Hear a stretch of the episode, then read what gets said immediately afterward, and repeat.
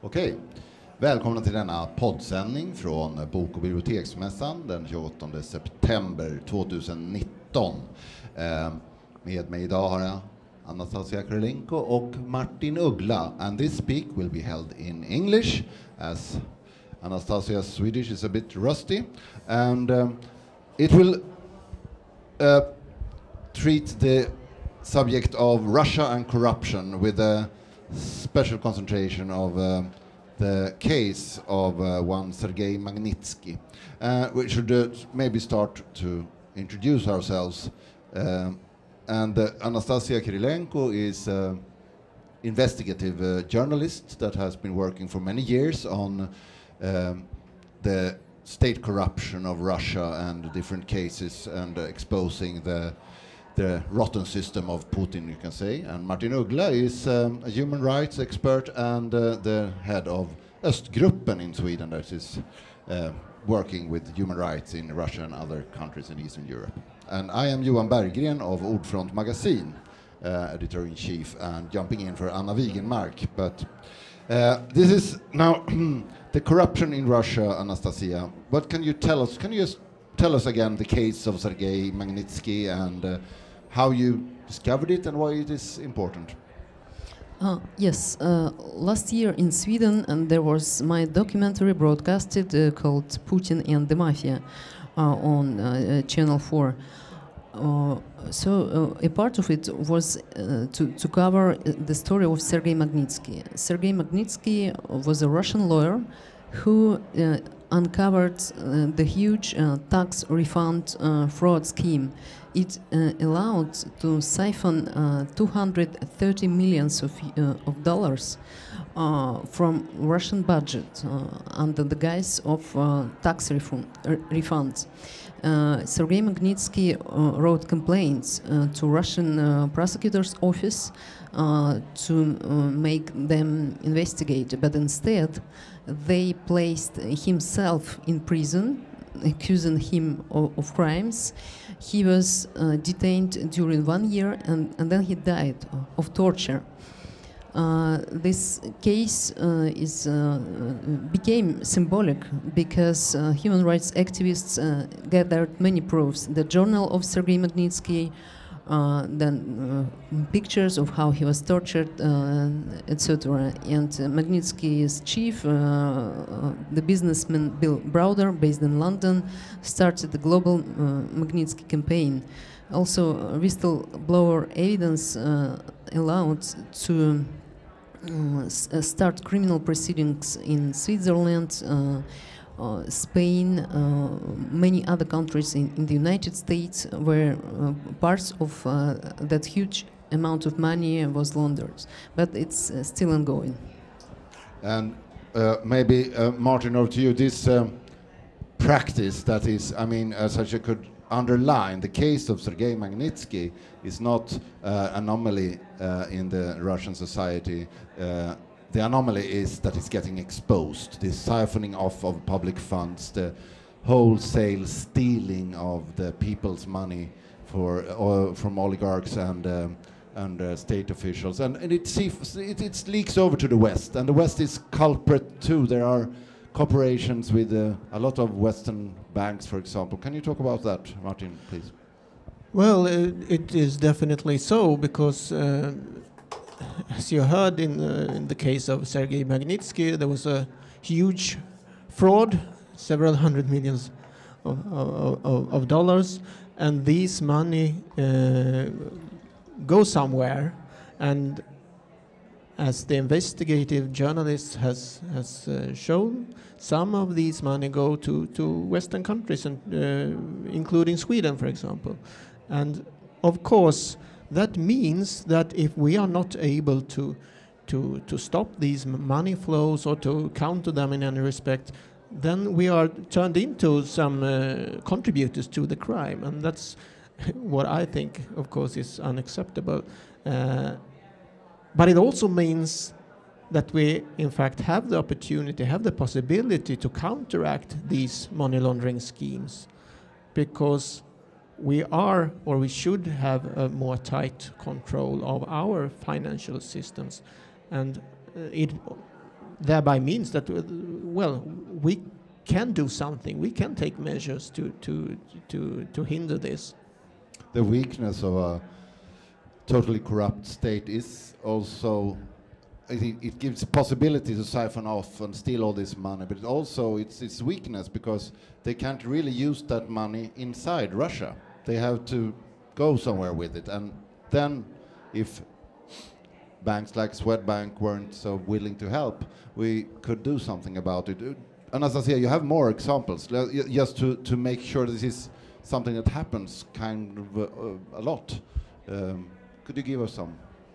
Um, some new insights uh, in Sergei Magnitsky's investigation uh, came from Panama Papers.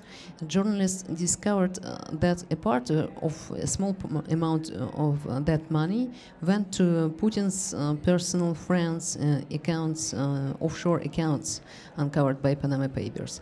It explains a lot because it's a perfect example how mafia state uh, works. Uh, you know, you, you have to share with uh, the capo, uh, the chief of the chiefs. Uh, another examples, for example, uh, of mafia state, uh, 400 uh, kilos of cocaine uh, were found in Russian embassy in Argentina.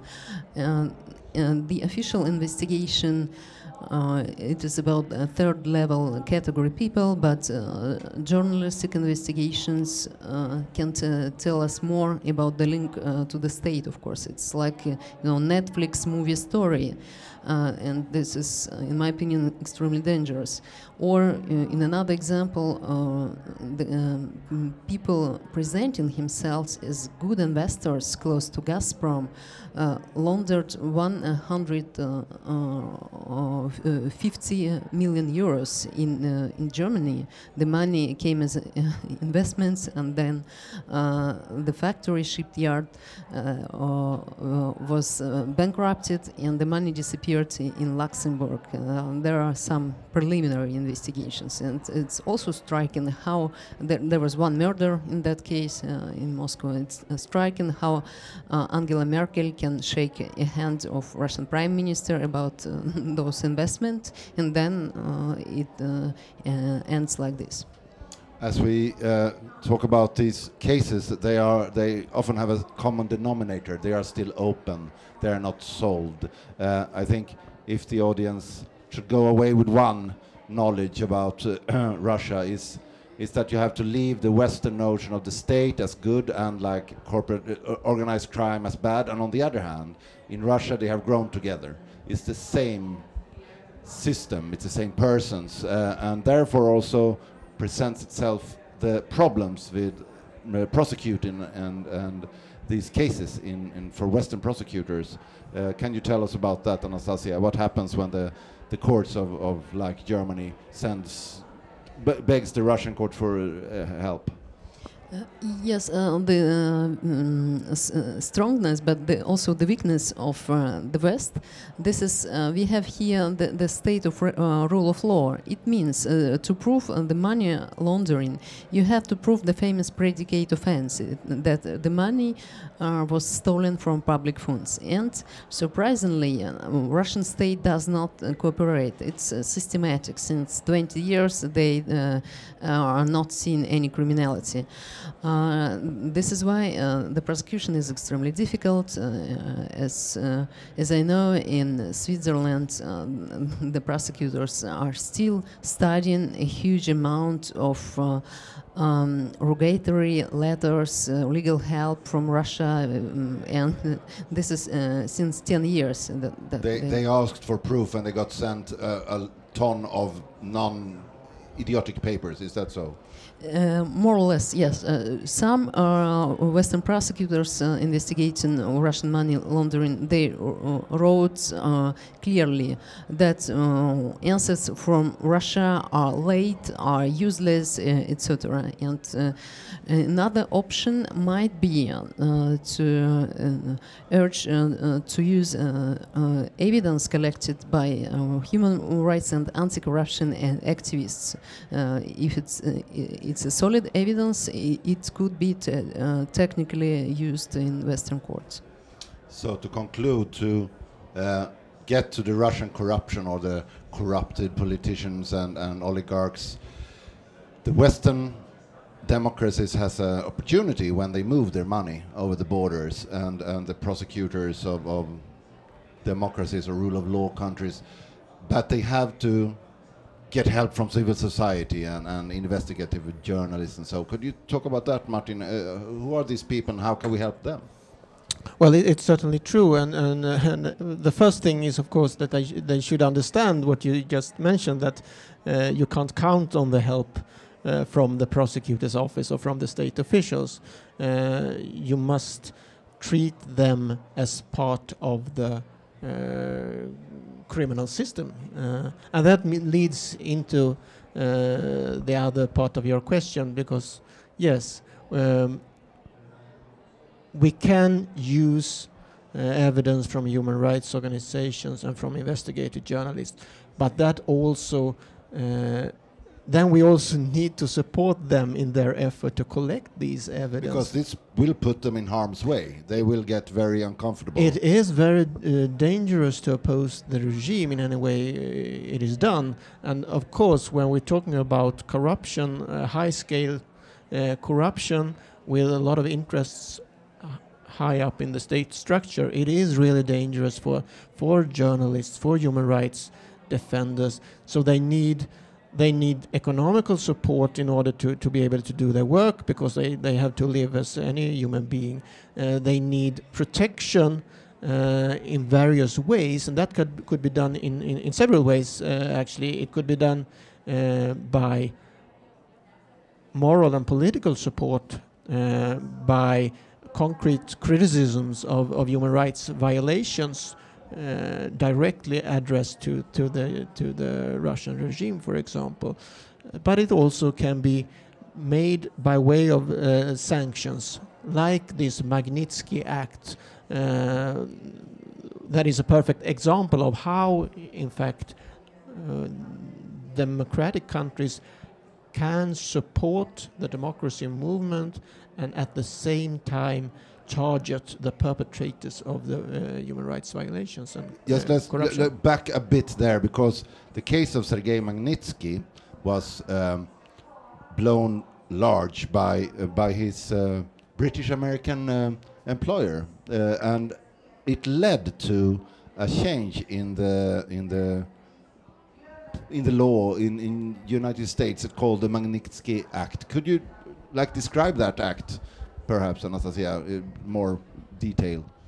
Uh, yes, exactly. The employer of uh, Sergei Magnitsky, Bill Browder, uh, made a huge uh, effort uh, uh, to to promote this initiative, and finally, in the U.S. Senate, the law was adopted called Magnitsky Law are uh, first uh, people directly responsible for his death or um, uh, people failed to investigate uh, the reasons of his death. Uh, law enforcers from Russia were sanctioned, uh, also people who did not investigate.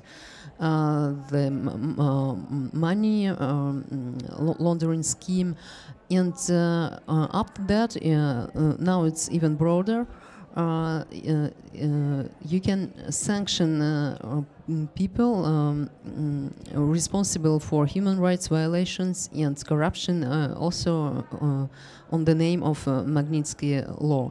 This is very important and sensitive for Russian authorities, as the practice has shown, because uh, Э, despite uh, all, all uh, the anti-Western propaganda, what we can watch on Russian state television, surprisingly, our state officials uh, have uh, real estate uh, abroad in, in, in US, in Europe, and their children are abroad. some of them have residence permits here, and for them it's very sensitive that now they should all prove the origin of, of the money uh, or uh, you know to be sanctioned. So it's um, like targeted individual sanctions, and and you talked about that before, Martin. It's especially smart kind of sanctions, and wh why do you think that?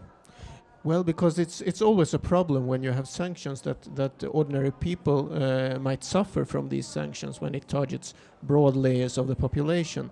But these kind of sanctions are targeted directly towards the perpetrators, uh, and that means that that. Uh, that, that ordinary people uh, can live on without the burden of, of, of sanctions. And then, of course, it's another very positive side of this Magnitsky Act because uh, it it moves this topic from the political agenda to the legal agenda, and uh, I think it's it's it's it's very important because it becomes then more difficult for the Russian regime to to uh, to criticize these sanctions. When you if you do a, a, a comprehensive analysis and you can state that these persons are suspected of grave uh, human rights violations or corruption, and you can refer to to to a law and to to legal expertise, then it means a lot uh, in order to avoid this kind of political poli politicization of, of, of, of, human rights, which is a, a, a problem today. You are mentioning here that we of course, want to not punish the, the Russian broad uh, people, but let's let's get back to them. I mean, they are living in in this corrupt state, uh, and uh, the, the, all these millions of, of dollars we are talking about, they are being stolen from them. And and we were talking before how the rate of uh, living and, and the standard of living is deteriorating, and, and people are struggling. Um, what do they say about this? Uh, do they know about it? How do they react? Do they fear repercussions, or do they think that it's okay? What do you say, Anastasia? Uh, in Russia, we say uh, everything is secret, but no nothing is hidden. Uh, so, uh, uh, unfortunately, the freedom of press in Russia is at 149th uh, rank rank uh, amid 180. It, it, means it merely does not exist. It's like in uh, some African countries. Of course, the state uh, TV, uh, belonging, by the way, to Putin's uh, close friends, um, uh, controlled by them, it's not reporting about corruption.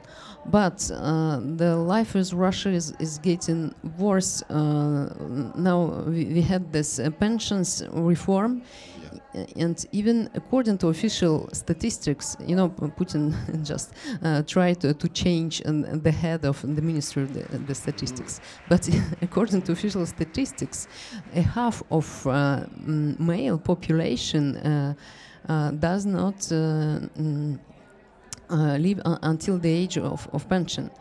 Uh, and that's cheap for the state, no pensions. yes, it's uh, so people, uh, of course, are getting uh, upset uh, despite all, all the brainwash on Russian uh, TV, uh, you know, against decadent West, immoral West. So we, we should be united around Putin because he's protecting us from this awful West, um, etc. Despite all this, of course, people suffer. The number of hospitals is re reducing, especially in province, so outside the capital.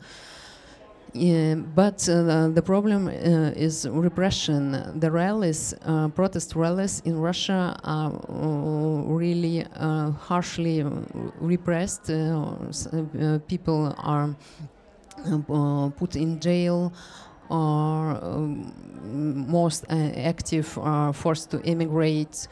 sometimes people are beaten, you know, by Cossacks uh, during uh, protest rallies. Uh, so we should not um, expect that the change will come soon because pe people are um, not satisfied in, in, Russia. Unfortunately, it, it doesn't work this way.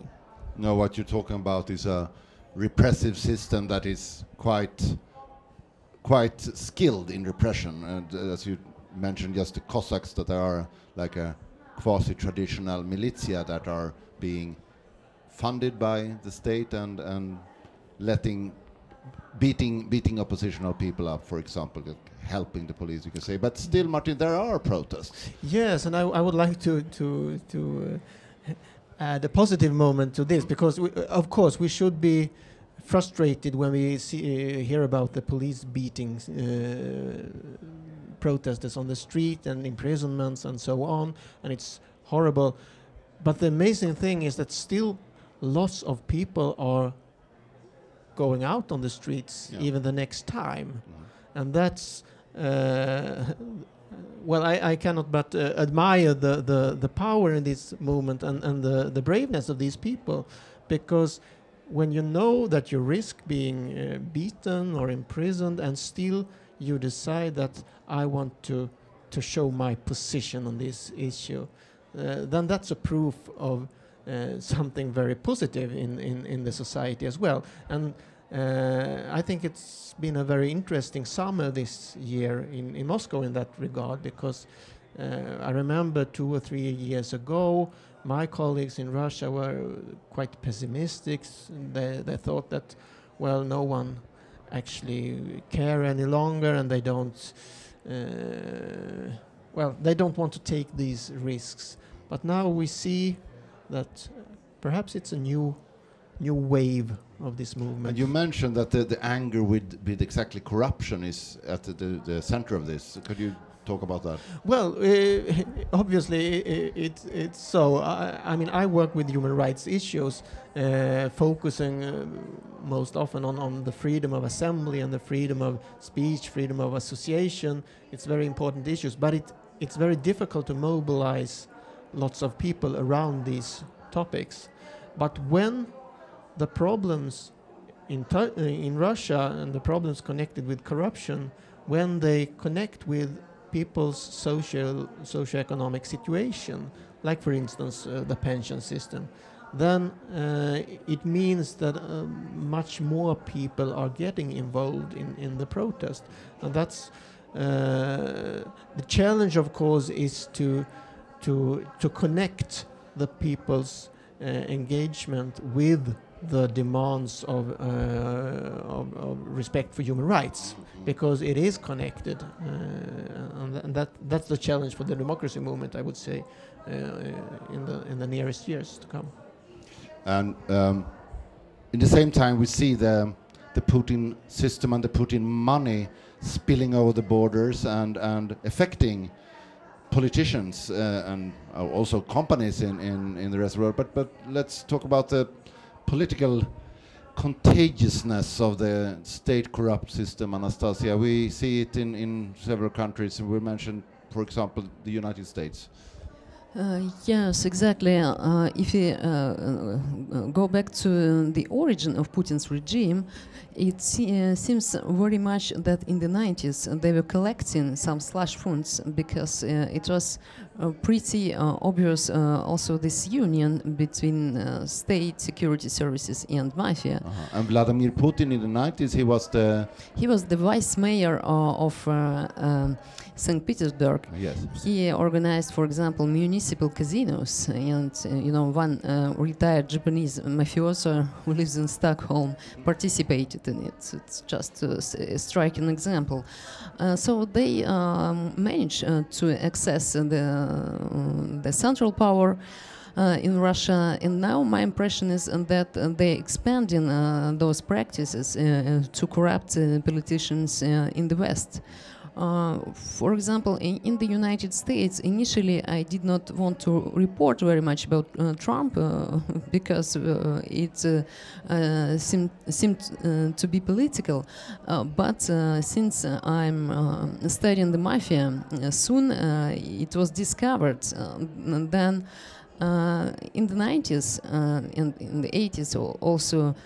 Uh, many Russian mobsters uh, laundered money uh, buying luxury condos uh, in, in Trump Tower. Uh, officially, uh, 13 mobsters used to live and to run their business. Trump's casino was fined for money laundering, including of you know Russian mobsters uh, used to, to visit it. And of course it is striking uh, uh, there uh, were uh, NGOs in, in the US uh, uh, which collected evidence uh, that Russian uh, mobsters uh, f- uh, funded Rudy Giuliani's campaign uh, for city uh, hall And Rudy Giuliani is now perhaps Trump's right hand. Uh, yes, this is. Uh, And, uh, and, we have Paul Manafort too, who's now in prison.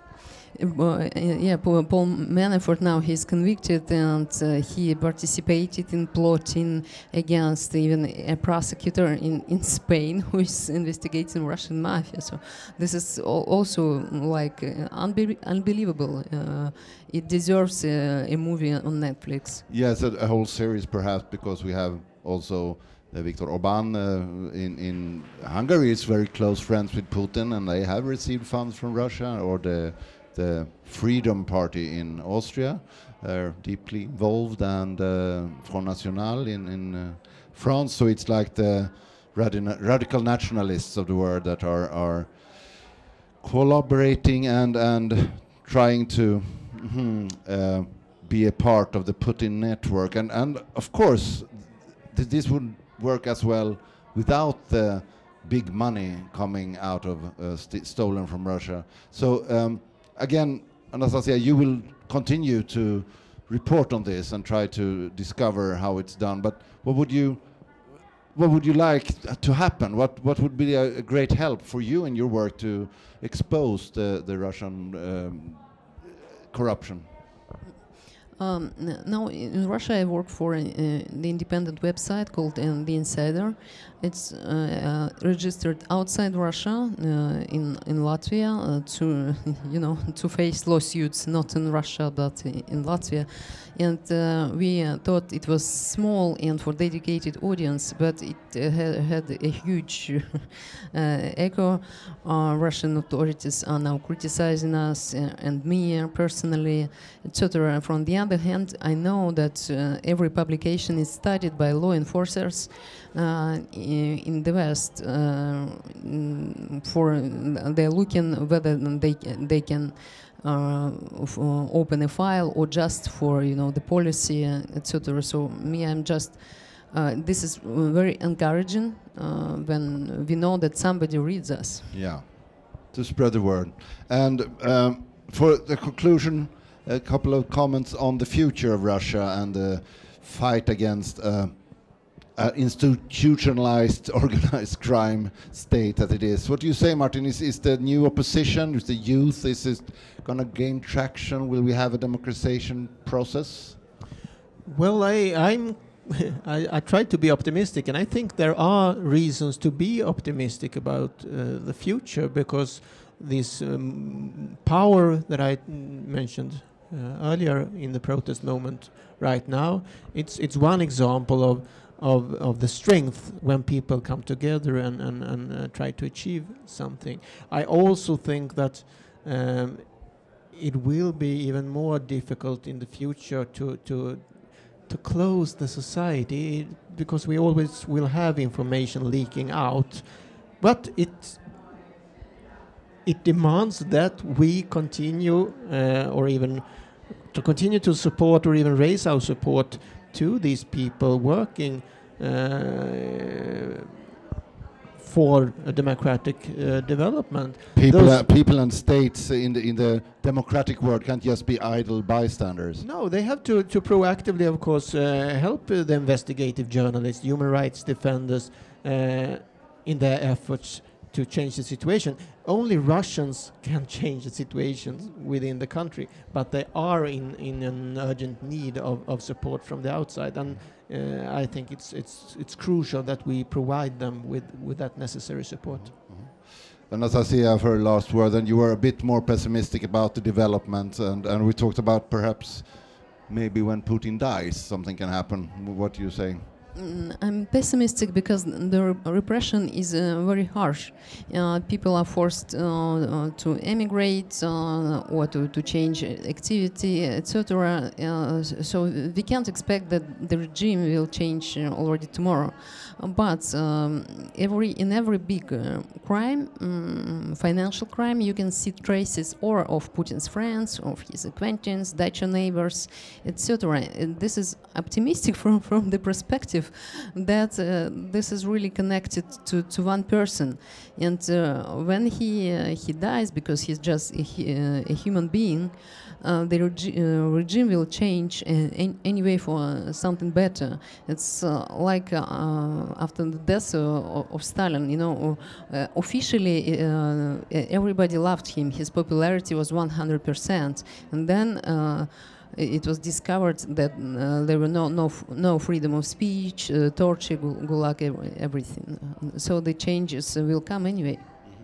Yeah, it's a strongman system, and when the strongman goes away, there will be a, a possibility for change, and there are democratic forces ready to step in. Then, okay, that was our half hour, and um, we thank you so much, Anastasia and Martin, and um, um, goodbye from Göteborg.